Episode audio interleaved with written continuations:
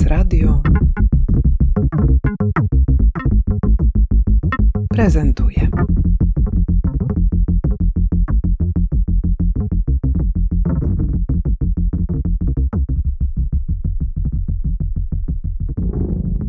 Warto do nas przychodzić, bo jest to niebywała możliwość rozbrajania swojego wyobrażenia o tym, z kim ja w ogóle mogę się komunikować, czy kto jest zdolny do komunikacji, kto jest zdolny do bycia ze mną w kontakcie. To jest szansa przedefiniowania myślenia o ludzkiej wartości. Justyna Wielgus, e, dyrektorka do spraw międzynarodowych Centrum Sztuki Włączającej TA21 i kuratorka programu Pokaż Język. Justyna Lipko-Konieczna, dyrektorka programowa Centrum Sztuki Włączającej, kuratorka Pokaż język. Bardzo się cieszę, że w końcu Bent Radio może u Was gościć. Jesteśmy w Waszej siedzibie na warszawskiej Pradze przy ulicy Skoczylasa.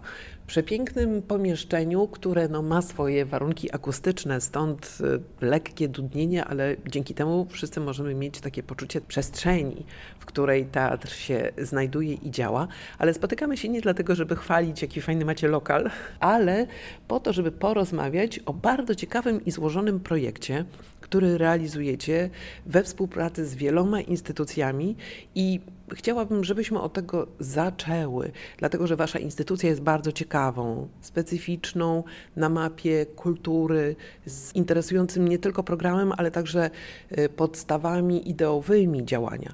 Więc chciałabym zacząć od tego i to pytanie na pewno nie będzie dla Was trudne. Czym właściwie się zajmujecie i jaka jest Wasza misja? Centrum Sztuki Włączającej Teatr 21 wyrosło z wieloletniego doświadczenia grupy Teatru 21 i współpracy z artystami, które tworzą ten teatr właśnie już od 18 lat. W tym roku nam się osiemnastka właśnie przypada. I to są osoby z różnymi niepełnosprawnościami, które w mainstreamie społecznym, politycznym, kulturalnym praktycznie nie istnieją. I założeniem Centrum Sztuki Włączającej w takim dużym skrócie jest stwarzanie takiego pola spotkania, debiutu, e, prezentacji e, sztuki artystów z niepełnosprawnościami, która zazwyczaj właśnie jest bardzo niszowa, bardzo taka zakrywana, a nam bardzo zależy na tym, żeby różni odbiorcy mogli doświadczyć nowej sztuki, nowego języka, nowych ekspresji, nowych narracji i też po prostu wspólnie, bo odkrywać też nowy teatr. Neuroinkluzywność to jest jedno ze słów kluczy, które tutaj można byłoby przywołać, ale tych słów jest więcej, czy fraz, którymi wy wprowadzacie nas do tego świata, gdzie ta neuroinkluzywność, neuroinkluzywność w kulturze jest praktykowana. Ale powiedzcie, co to właściwie oznacza, jak wymieszacie te porządki, jak to się przejawia w sztuce, którą uprawiacie. Jednym z patronów programu Pokaż Język jest Leonard Davis. Jest to amerykański badacz, który założył razem z Rosemary Galland Thompson coś, co nazywamy kulturowymi studiami o niepełnosprawności. Była to dziedzina i jest to dziedzina bardzo prężnie rozwijających się studiów kulturowych, tak ważnych jak gender studies na przykład, czy studia o rasie w Stanach Zjednoczonych. U nas te dyscypliny w zasadzie też już dosyć mocno się uobecniły, może mniej właśnie studia o rasie, no ale kiedy mówimy o studiach genderowych, to widzimy jakby wagę tego pola. I rzeczywiście jakby Leonard Davis zajmował się niepełnosprawnością w taki odwrotny sposób. To znaczy, jakby stwierdził, że niepełnosprawność jest wynikiem ustanowienia normy normy kulturowej, normy społecznej i że tak naprawdę ona jest czymś, co pochodzi z uśrednienia ludzi pojmowanych właśnie jako jakaś taka e, mediana, pojmowanych statystycznie, widzianych w sposób bardzo taki i normatywny, ale też w sposób, który ja sobie nazywam sama dla siebie taką nudną ramą humanistyczną.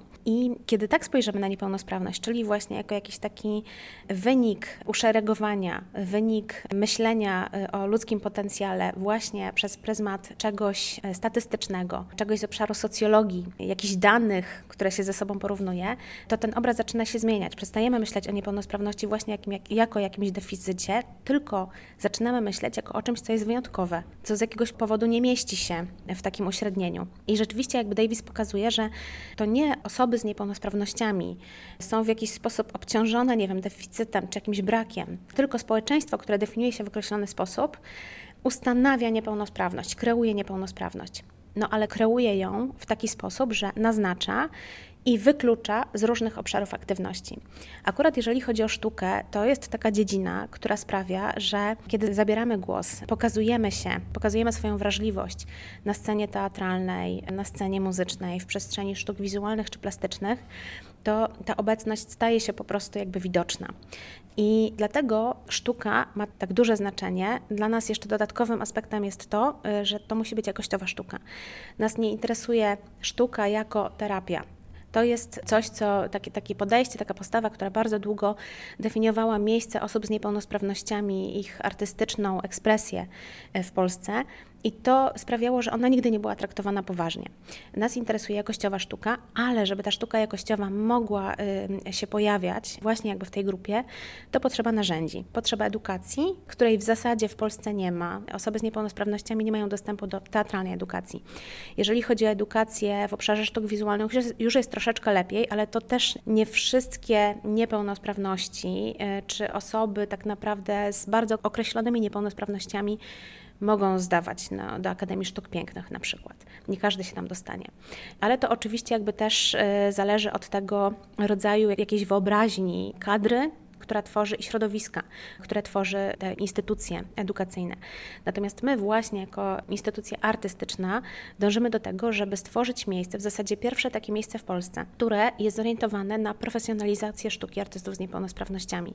I temu służy tak naprawdę nasze miejsce. Pokaż język to bardzo wprost powiedzenie tego, że istnieje inny język, który może być wykorzystywany do komunikacji we wspólnocie, w jakiejś grupie, która zamieszkuje wspólnie jakąś przestrzeń. Tytuł waszego projektu jest bardzo pojemny, no bo to jest także taki pokazanie języka na złość tym wszystkim normom, o których przed chwilą Justyno mówiłaś. E, ale to, co jest w waszej działalności w waszym programie takie ujmujące, to to, że tę równościowość widzicie bardzo szeroko i to jest dla was niezwykle pojemny obszar i włączacie to w przedstawienia, które u Was powstają i które u Was można obejrzeć. Porozmawiajmy trochę o programie. Pokaż Język jest naszą odpowiedzią e, na ustanowioną normę i naszą taką niezgodą e, na tą ustanowioną normę. I jest też, myślę, takim odzwierciedleniem e, świata, w którym żyjemy, tego prawdziwego i realnego świata, który jest bardzo różnorodny i który właśnie operuje różnymi językami. A znowu z powodu tej normy i właśnie takiego uśrednienia, tutaj w tym przypadku komunikatu, Postanowiliśmy kiedyś, że językiem dominującym jest język werbalny i takim językiem się wszyscy powinniśmy porozumiewać i wszyscy, którzy tego języka w jakiś sposób nie posiadają, e, nie umieją się nim, po, e, czy nie mogą posługiwać, no to są osoby tak naprawdę z deficytem komunikacyjnym, czy z deficytem właśnie językowym. I bardzo nam ta myśl przyświecała przy pisaniu tego e, projektu. My postanowiłyśmy z wielości języków wybrać cztery i z tego się składa też nasz program Pokaż Język z czterech dużych modułów czterech języków. Za nami już właśnie język, język nieludzki i wydaje mi się, że to jest taki początek w ogóle myślenia i spojrzenia na to, co nas otacza, właśnie przekraczając też normę antropocentryczną i jakby odejście od tej takiej ramy i perspektywy człowieka na rzecz te istot nieludzkich, które z nami komunikują, które bardzo rezonują w naszym, w naszym otoczeniu i z których też czerpie bardzo sztuka i sztuki performatywne. I w ramach tego właśnie mieliśmy tutaj e, ciekawe, super wydarzenia. Była Mia Masaoko z Nowego Jorku, była Tori Wrones, fantastyczna performerka e, z Oslo, która właśnie e, na styku języka werbalnego, języka wymyślonego, języka troli tworzy niezwykłe performanse, właśnie przekraczające ramę tego, co byśmy nazwali językiem werbalnym. Drugim takim językiem był to język głuchych, język, który rzeczywiście walczy o status równego języka z językiem, tutaj w przypadku Polski, języka polskiego. Jest to język cały czas degradowany, e, lekceważony przez właśnie przez posługiwaczy się językiem werbalnym, przez osoby słyszące i w ramach tego właśnie bardzo nam zależało, żeby w ramach tego modułu e, mogli e, po, pojawić się artyści głusi, wyrażający się właśnie poprzez język migowy, żeby pozwolić taki dostęp odbiorcom do zapoznania się z tym językiem, z formą wyrażania artystyczną, żeby móc też oswoić ten nowy język i też zobaczyć, jakie są potencjały w tym języku ukryte i co robi język z nami, nowy język z nami odbiorcami. I tutaj Daniel Kotowski, świetny artysta głuchy, właśnie stworzył nowy, bardzo ciekawy, intrygujący performance, który podejmuje właśnie postawę osób słyszących, które w sposób lekceważący używają języka migowego. On tutaj odwołał się do memów, które w sposób obraźliwy wykorzystują język bardzo, dużej, bardzo dużego środowiska. Teraz jesteśmy w trakcie języka alternatywnej motoryki i to też jest takie pojęcie, myślę, które warto rozszyfrować, bo myślę, że nie dla wszystkich jest ono czytelne albo jasne. Alternatywna motoryka to jest pojęcie, które ukuł Rafał Urbacki, wspaniały tancerz, performer, twórca z niepełnosprawnością ruchową, który jako jeden taki pionier coming outu artystycznego, w ogóle coming różnych outów, taki duży wojownik i odważna osoba, która zaczęła jakby działać w polu też sztuk performatywnych. A alternatywna motoryka to jest właśnie zwrócenie uwagi na to, że znowuż ruch to nie zawsze jest e, sposób poruszania się, nie wiem, na dwóch nogach, e, że ta pozycja pionowa, że są taki normatywny obraz tego, co to znaczy ruch, jak się powinniśmy poruszać, jakie ciała się poruszają, a jakim ciałom już odmawiamy ruchu.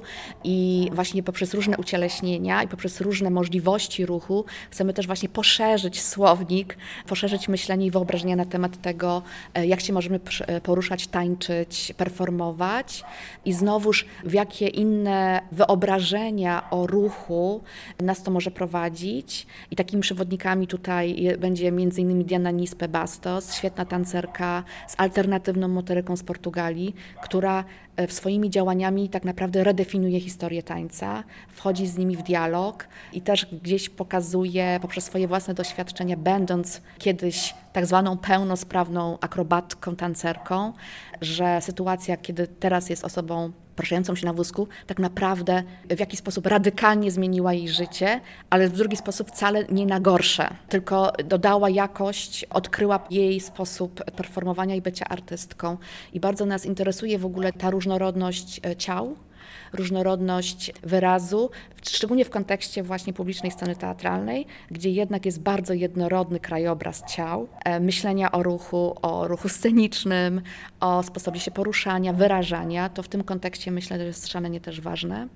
I ostatnim takim językiem właśnie jest język neuro, neuroróżnorodny, który od nowego roku będzie ostatnim modułem tego programu. I rzeczywiście tutaj się skupimy, zanurzymy z kolei w bardzo taki nieoczekiwany, myślę, że jeszcze mało rozpoznany świat neuroróżnorodności, czyli tego, jak kreujemy myśli, jak kreujemy nasze wyobrażenie, nasze narracje, ale też jak z tych myśli różnych i wrażliwości kreuje się nowy język. I tutaj taką naszą patronką jest Karolina Wiktor, świetna artystka z doświadczeniem afazji, gdzie tak naprawdę w jej biografii osobistej, ale też i artystycznej, klasyczny, normatywny alfabet się rozsypał i ona po tym doświadczeniu na nowo go składała, iż wcale, tak jak dzieli się z nami, podzieliła się w książce, ale też dzieli się z nami podczas warsztatów różnych, już nie jest takie oczywiste, że po A musi być B że jest bardzo dużo odległości pomiędzy A i B i to jest szalenie ciekawy obszar dla sztuk performatywnych, żeby właśnie zbadać to nieznane. Dorota Kotas będzie prowadziła warsztaty literackie, Krzysztof Globisz, będący cały czas w kondycji afazji, będzie prowadził swoje warsztaty tutaj. To jest też ciekawy przypadek właśnie aktora, profesjonalnego aktora wybitnego, który większość kariery odbył jako tak zwany normatywny aktor, a teraz, będąc w afazji, jest cały czas na deskach sceny teatru. I myślę, że o tym się za mało mówi, że to jest e, gdzieś dla publiczności krakowskiej bardzo znana sytuacja, ale ona nie przekroczyła w taki dobitny sposób scen innych e, w Polsce. A myślę, że to jest też ciekawe, że jesteśmy otwarci na to, że to i też taka determinacja pozostania e, w świecie teatru, że ta kondycja wcale nie powoduje, że ja muszę teraz odejść w kulisy i się pożegnać z całym swoim życiem zawodowym.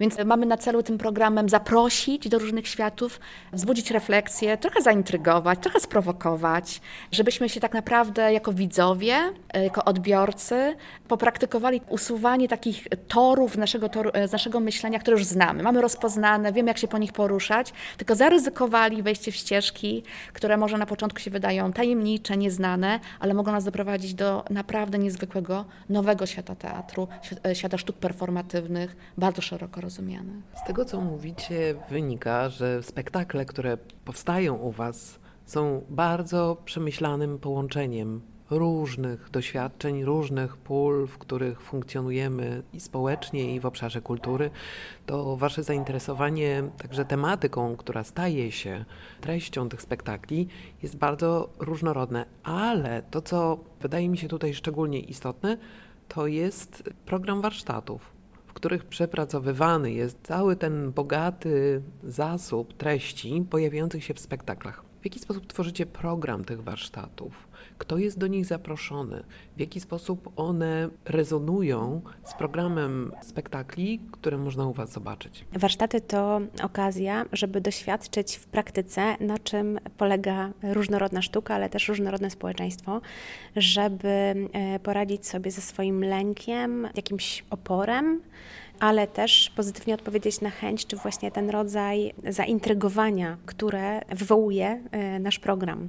I rzeczywiście muszę powiedzieć, że na wszystkie warsztaty, które proponujemy, e, do tych modułów, do spektakli, zgłaszają się komplety, nadkomplety chętnych. Dochodzi do tego, że na przykład tak było z Chrisem Pawią, który przyjechał do nas we wrześniu ze swoimi dwoma spek spektaklami. Chris Pawia, choreograf z zespołem Downa, z Wielkiej Brytanii, w zasadzie no, y, rewolucjonista, e, tańczący i choreografujący rewolucjonista, prowadził tutaj warsztaty, które musieliśmy w zasadzie podwoić, bo bardzo szybko okazało się, że no nie możemy przyjąć na jedne warsztaty tak dużej grupy. Dołożyliśmy więc warsztaty, Krys się zgodził, chociaż ten grafik był bardzo napięty jego, a, a i tak oba te warsztaty odbyły się w nadkompletach. Także jest to doświadczenie stałe, E, nasze stałe doświadczenie takiego zainteresowania jednak odzewu. Przychodzą do nas bardzo różne osoby. W zasadzie, jeżeli chce się doświadczyć naprawdę różnorodnej tkanki społecznej, to warto do nas przychodzić, bo jest to jakaś taka niebywała możliwość rzeczywiście spotkania się i rozbrajania swojego wyobrażenia o tym, z kim ja w ogóle mogę się komunikować, czy kto jest zdolny do komunikacji, kto jest zdolny do bycia ze mną w kontakcie. To jest w ogóle jakaś taka szansa przedefiniowania myślenia o ludzkiej wartości. I także doświadczenie rewolucji w sztuce zainspirowania się, zaczerpnięcia narzędzi do tworzenia takiej sztuki, która odpowiada na potrzebę przyszłości. Nasz wniosek został oceniony przez Komisję y, Międzynarodową na 100 punktów. Znaczy dostaliśmy po prostu komplet punktów, co się w ogóle rzadko zdarza. I też ta, my jesteśmy bardzo młodą organizacją. Kiedy staraliśmy się na wniosek, mieliśmy 5 lat jako fundacja. Więc to pokazuje, a startowaliśmy z instytucjami, które mają kilkudziesięcioletnią tradycję. I więc to pokazuje rzeczywiście, że te intuicje, które nam towarzyszą, są takimi intuicjami, które rezonują szerzej i poza granicami Polski też. Te warsztaty, które organizujemy, nie odbywają się tylko w, Centrum Sztuki Włączającej, w naszej instytucji, ale także w Akademii Teatralnej w Warszawie oraz w jej filii w Białymstoku, dlatego że jakby nasz program jest pomyślany tak, żeby dawać naprawdę konkretne narzędzia środowisku teatralnemu, żeby oswajać z tym obrazem człowieka jako y, istoty skomplikowanej, intelektualnie i cieleśnie skomplikowanej, e, żeby wyjść właśnie poza tę normę, na której bardzo mocno cały czas opiera się system teatralny w Polsce i poszerzyć grono osób, które będą miały dostęp do po prostu jakby praktykowania sztuki, zdobycia tych narzędzi, nie ma innej możliwości, żeby y, dokonała się właśnie ta profesjonalizacja i naprawdę jesteśmy przekonani, że wyjdzie to y, wszystkim na dobre, że ten teatr po prostu stanie się rzeczywiście egalitarny, bardziej sprawiedliwy, ale też zwyczajnie ciekawszy. Ja jestem z tym cały czas z tym, z tym wspomnieniem. Pamiętam, że kiedy Karolina Hammer zagrała sit-up Hammer w Teatrze Studio, Dalia Korczakowska, dyrektorka Teatru Studio, bardzo poważnie jakby rozważała zaproponowanie jej etatu w zespole aktorskim. Powiedziała, że nie doświadczyła tak intensywnej obecności, performatywnej obecności. To nie chodziło o obecność na takim poziomie prywatnym, ale performatywnej obecności, tak mocnej, tak właśnie e, skutecznej obecności, jaką prezentowała e, Karolina właśnie jakby w zespołach aktorskich. I chciałam ją zatrudnić. To pokazuje, że artyści z niepełnosprawnościami Także osoby, które nie zajmują się na co dzień sztuką, ale wchodzą w te role, jak Karolina Hammer właśnie, że naprawdę mają olbrzymi e, potencjał że wnoszą sobą niepodrabialną jakość. I mamy nadzieję, że y, tymi sytuacjami warsztatowymi, tym dostępem do praktykowania, ale także y, masterclass, które y, wymyśliłyśmy jako część jakby tego programu, spotkania grup roboczych, gdzie omawiamy, konfrontujemy ze sobą w rozmowie, w takiej warsztatowej rozmowie, różne lęki, różne obawy i werbalizujemy różne nadzieje, to jest rzeczywiście coś, co pozwala tej zmianie nie być e, programem, który skończy się po prostu za półtora roku, bo takie działania krótkodystansowe nas w zasadzie nie interesują, ale pozwoli zmierzyć się z wyzwaniem z jednej strony, jakie jest przed nami, czyli tym wszystkim, co trzeba zrobić, żeby ta sztuka inkluzywna przestała być sztuką inkluzywną, a stała się po prostu pewną postawą społeczną, która dopuszcza naprawdę te różne obecności do tworzenia jakby y, tej jakości, jaką jest sztuka, szeroko rozumiana, a z drugiej strony, że pozwoli też poszerzyć to myślenie o tym, kto w ogóle y, może robić sztukę. Czy wy w pracy z aktorkami, aktorami, tworząc spektakle u siebie, posługujecie się jakąś metodą? Ja nie wiem, czy to jest metoda, natomiast postawa która mi towarzyszy od samego początku, to jest ta równa postawa. Ja nie mam właśnie specjalnych metod, ponieważ to są specjalni ludzie i trzeba do nich mówić specjalnym językiem. Ja tak podstępnie Was zapytałam, dlatego że metoda jest jednak bardzo nacelowana na skutek. To jest tak. to, co jest ten efekt końcowy, hmm. który ma być osiągnięty, a Wy ewidentnie jesteście z krainy procesów i długotrwałych działań, więc to moje pytanie było podstępne. Też e, rzeczywiście e, często dostajemy takie pytania, ja dostaję też takie pytanie, czy w jakiś sposób szczególny pracuje się z artystami z niepełnosprawnościami, na przykład robiąc, nowy robiąc spektakle. Więc z mojej perspektywy to wygląda, że nie. E, w takim sensie, że, że ja pracuję tak samo. Znaczy ten proces wygląda bardzo podobnie. Jest równie intensywny, jest równie pogłębiony. W podobny sposób są budowane przebiegi, role, cała dramaturgia i wszystko, co się składa na, na świat spektaklu. Myślę, że tutaj właśnie to jest też warte takie, to jest taki mit, który też krąży, że to jest właśnie coś trudnego, niemożliwego, trzeba mieć jakieś specjalne, super narzędzia. Ja myślę to, co jakby jest takim wyzwaniem, e, szczególnie dla osób, które nie spotykają się, nie mają za dużo spotkań z osobami z niepełnosprawnościami, z artystami z niepełnosprawnościami, to jest raczej z poziomu właśnie takiego osobistego lęku, takiego braku narzędzi w myśleniu o tym, że nie wiem, jak się będę mogła zachować, albo czy będę umiał się zachować, jak się skomunikować, jak zareagować. To są takie lęki, które niestety często powodują, że, że rezygnujemy, bo nie chcemy kogoś obrazić, albo nie chcemy się znaleźć w sytuacji, która jest dyskomfortowa dla nas wszystkich. I często jest to właśnie odwrócenie spojrzenia i wycofanie się. Więc myślę, że tutaj jest jakaś taka sytuacja ryzyka, ale ja myślę, że to ryzyko tak naprawdę towarzyszy za każdym razem, kiedy zaczynasz w nowej konstelacji e, artystycznej e, nową rzecz, nową pracę i to ryzyko jest jakby równie tak samo obecne. Nie wiem, Justyna, czy ty masz jakieś metody? Ja myślę, że powiedziałaś ważną rzecz i jakby warto ją podkreślić, że ten obraz niepełnosprawności nosi pełnosprawne społeczeństwo. To wyobrażenie o limitach i możliwościach osób z niepełnosprawnościami wnosi pełnosprawne społeczeństwo. I tak naprawdę lęk przed kontaktem wnosi również pełnosprawne społeczeństwo. I to jest bardzo dojmujące, ponieważ my tymi wyobrażeniami, swoimi lękami i swoim strachem przed dyskomfortem, albo tym, że ja sam się nie sprawdzę w tej relacji, nakładamy kolejne piętra, piętna, którym obciążamy jakby tę grupę i sprawiamy, że jest ona jeszcze bardziej wykluczona, jeszcze bardziej zmarginalizowana i bardzo ważne, żebyśmy zrozumieli tę swoją uprzywilejowaną pozycję i mam nadzieję, że my takim szerokim spektrum tych działań, ale właśnie jakby pokazaniem całego wachlarza możliwości i właśnie potencjału który wnosi ze sobą ta szalenie skomplikowana i różnorodna grupa społeczna, pokażemy, że jest zdecydowanie więcej e, wartości, chociaż chciałabym tutaj jakby też zaznaczyć, że nie chodzi o jakieś zero-jedynkowe myślenie, czy jakby porównywanie czegokolwiek. To w ogóle jakby nie, nie, nie mówię tego w tym sensie, ale że tak naprawdę ten potencjał przełamania swoich oporów, spojrzenia z krytycznym dystansem na swoje wyobrażenia jest naprawdę konieczny, żeby móc mówić o środowisku sztuki, w tym teatru, który przecież dokonuje teraz wielu takich krytycznych odkryć na swój własny temat. Jest koniecznym punktem, żeby ta sztuka stała się jakby naprawdę egalitarna. I ja bardzo liczę, że my, nie wiem, za 10 lat czy za 7 lat będziemy mogli zmienić nazwę Centrum Sztuki Włączającej na jakąś zupełnie inną nazwę, że już nie będziemy musieli tutaj nikogo do niczego jakby włączać, bo będzie oczywiste, że po prostu ludzie mają różny dostęp do sztuki i edukacji. I że rzeczywiście ten rodzaj takiego namysłu nad funkcją i miejscem sztuki będzie dotyczył w ogóle jakby instytucji e, publicznych w Polsce. My cały czas jesteśmy gdzieś, tak naprawdę jesteśmy społeczną instytucją kultury, nasze miejsce jest, powiedziałabym, jakby mocno skomplikowane cały czas i jednak niepewne i w zasadzie tutaj jakby widzę też taką siłę tego, że jesteśmy takim przyczółkiem, ale że w pewnych momentach zmian, momentach dziejowych takie przyczółki jakby do czegoś służą, a potem przestają być potrzebne, ponieważ to, co proponowały, staje się po prostu jakąś nową zasadą, jakąś nową wartością. Co jest szalenie też ważne, myślę, że my bardzo rzeczy ukrywamy. I między innymi ukrywamy swoje kondycje. I właśnie ta norma ustanowiona zmusza nas do tego. Presja społeczna, presja środowiska, że musimy być fit, że musimy być zawsze zdrowi, w normie i w formie, jak to mówią nasi aktorzy w jednym ze spektakli.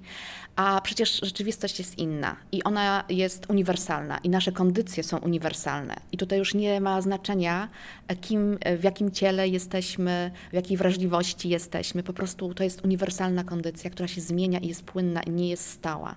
To wszystko, co my sobie wymyślimy, że to jest na zawsze, nie jest, jest to tymczasowe.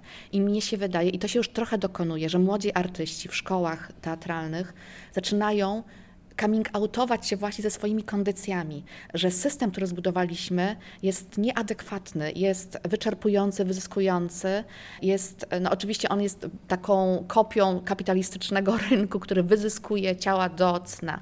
I jest coś takiego, i to się też dzieje w świecie teatralnym, że y, system pracy, warunki pracy, są po prostu nie do zniesienia. I pojawienie się artysty z niepełnosprawnością po prostu wywraca te systemy do góry nogami, ponieważ po prostu tutaj nie ma zgody na próby w takim trybie, czy na, nie wiem, brak czasu na zjedzenie obiadu, czy na odpoczynek. I są bardzo różne rzeczy. I wiemy o tym z doświadczenia, że artyści, którzy pracują w tych systemach artyści tak zwani pełnosprawni bardzo sobie doceniają, bo to czasami przechodzi na instytucje, to rezonuje, że oni nie mają takiej odwagi sami w sobie zaproponować zmianę. E, więc jakby podłączają pod ten system. To jest paradoks tego, że ten system doprowadza do tego, że te kondycje są coraz słabsze, e, że jest bardzo dużo właśnie takich na zdrowiu, że aktorzy po prostu podupadają na zdrowiu, na kondycjach psychicznych, że to jest bardzo też wyniszczający system. I mi się wydaje, że jest taka pora i też tym programem zachęcamy do tego, żeby się coming outować w ogóle z kondycją i się tego ani nie bać, ani nie wstydzić, bo chyba nie chodzimy po to do teatru, żeby oglądać coś, co jest nieprawdą prawdą. No, tutaj dodam jeszcze y, taki aspekt ekonomiczny też jest bardzo, bardzo istotny, bo jeżeli porównamy takie prekarne warunki funkcjonowania bytowe, funkcjonowania artystów, to okaże się, że bardzo często są one zbliżone do prekarnych warunków funkcjonowania osób z niepełnosprawnościami w naszym kraju. Więc ja myślę, że te dwie grupy mają sobie nawzajem bardzo wiele do zaoferowania i że takich sojusz, a my bardzo jakby lubimy też tworzyć jakieś takie przyczynki do sojuszy, może obu stronom jakby dać bardzo dużo, nie tylko artystycznie, ale tak naprawdę też politycznie. I kiedy spojrzy się tutaj na te nasze hasła, które wiszą w siedzibie, hasła z pierwszego protestu w Sejmie, transparenty, e, część naszego archiwum, które mamy u siebie w Centrum Sztuki Włączającej mam archiwum tego protestu, e, to te słowa przestają e, może brzmieć e, utopijnie, a naprawdę nabierają takiej swojej konkretu i takiej swojej realności. Z tego, co mówicie, wynika, że Centrum Sztuki Włączającej działa bardzo mocno na rzecz wypracowania nowych rodzajów komfortu takie, które do tej pory były określane jako właśnie dyskomfort, jako chęć ukrycia czegoś po to, żeby szeroka i dość bezwzględna norma mogła czuć się dobrze.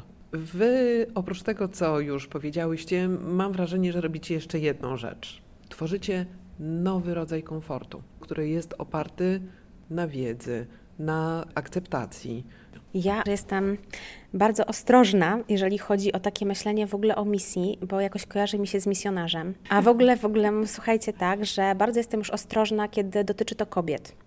Bo byłam kilka lat temu na takiej konferencji feministycznej, bardzo ważnej konferencji na Uniwersytecie Łódzkim.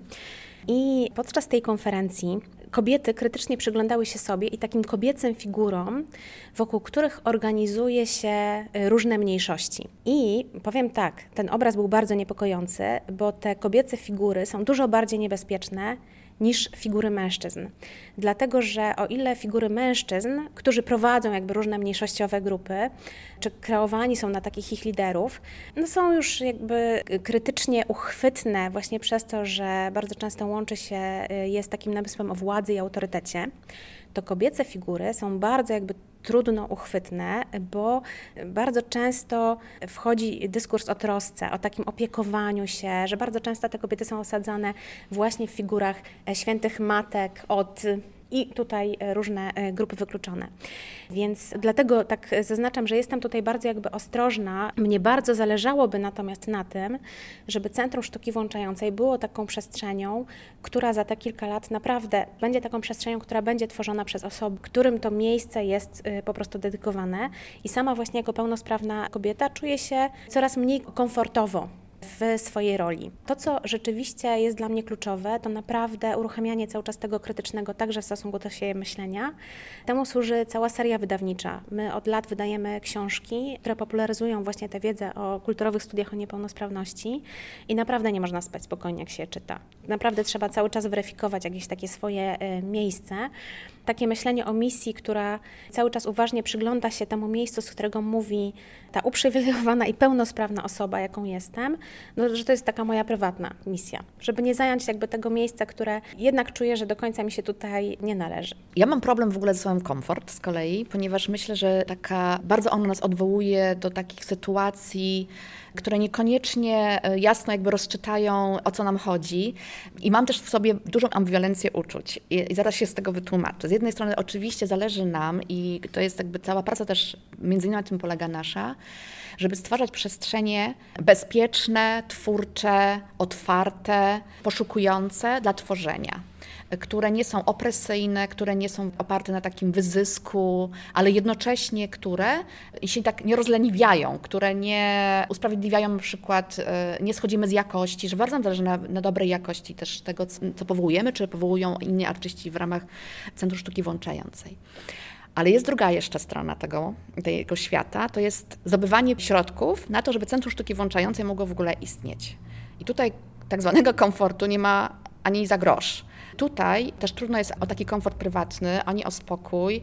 E, tutaj się naprawdę trzeba ostro walczyć i wszyscy, którzy są pozarządowymi organizacjami, totalnie wiedzą, o czym mówię, że taka niepewność tego, że będziemy za pięć lat, niepewność tego, co się wydarzy, mówię o takiej kwestii finansowej po prostu, jest bardzo destabilizująca spokój. W takim sensie spokój, właśnie nie komfortu, że teraz wszyscy się położymy i będziemy do góry nogami leżeć, tylko spokój po prostu pracy.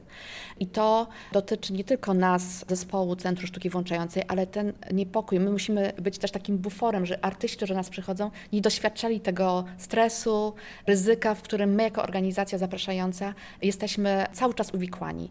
I mam poczucie, że jeżeli bym życzyła sobie i wszystkim nam komfortu, to w takim właśnie rozumieniu, żeby się wytworzyła polityka społeczno-kulturalna w Polsce, taka, która zapewni inny rodzaj myślenia o finansowaniu i wspieraniu takich organizacji, jak na przykład między innymi z Centrum Sztuki Włączającej, TEA 21, bo tutaj się musi równowaga pewna wydarzyć, bo inaczej to się jest po prostu w dwóch światach naraz, no i to już powoduje różnego rodzaju psychofizyczne odczucia, więc zapraszamy też do takiego myślenia nie tylko artystów z niepełnosprawnościami, czy w ogóle artystów, ale też ludzi, którzy decydują o tym, jak wygląda polityka społeczno-kulturalna, e, żeby też mm, w jakiś sposób spróbowali wejść w taki rodzaj myślenia i zmienili trochę perspektywę i wtedy może te same wskaźniki, cele, osiągnięcia nie będą najważniejsze. One są super ważne, tylko gdzieś się przesunie wektor na bardziej ludzki, który właśnie mógłby pokazać, że pieniądz nie jest jedynym językiem, za pomocą którego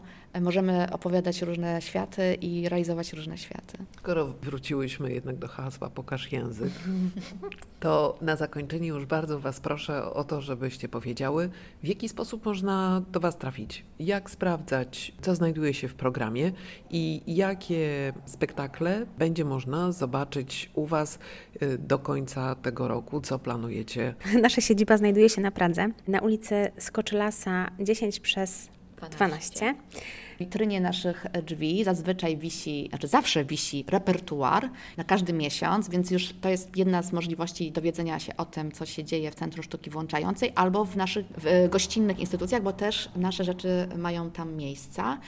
Innym sposobem dowiedzenia się o tym, co u nas się odbywa jest Facebook, Centrum Sztuki Włącznej Teatr 21. Tam zawsze jest bardzo dużo aktualności, odpowiadamy na Messengerze, więc zawsze można zadać pytanie, jeżeli jest jakaś niepewność. No i oczywiście jest nasza strona www.teatr21.pl, z której możecie się Państwo dowiedzieć już wszystkiego o historii, o repertuarze, o różnych projektach. Można zakupić książkę, więc to jest też takie kompendium wiedzy, jeżeli Państwo nigdy nie słyszeliście o Teatrze 21 czy Centrum Sztuki Włączającej. Jesteśmy też na Instagramie, więc y, jest wiele sposobów, żeby do tak. nas e, dotrzeć. Nie ma wymówek w takim razie. Nie ma wymówek. Zapraszamy, a Wam bardzo dziękuję za rozmowę. Dziękujemy. Dziękujemy.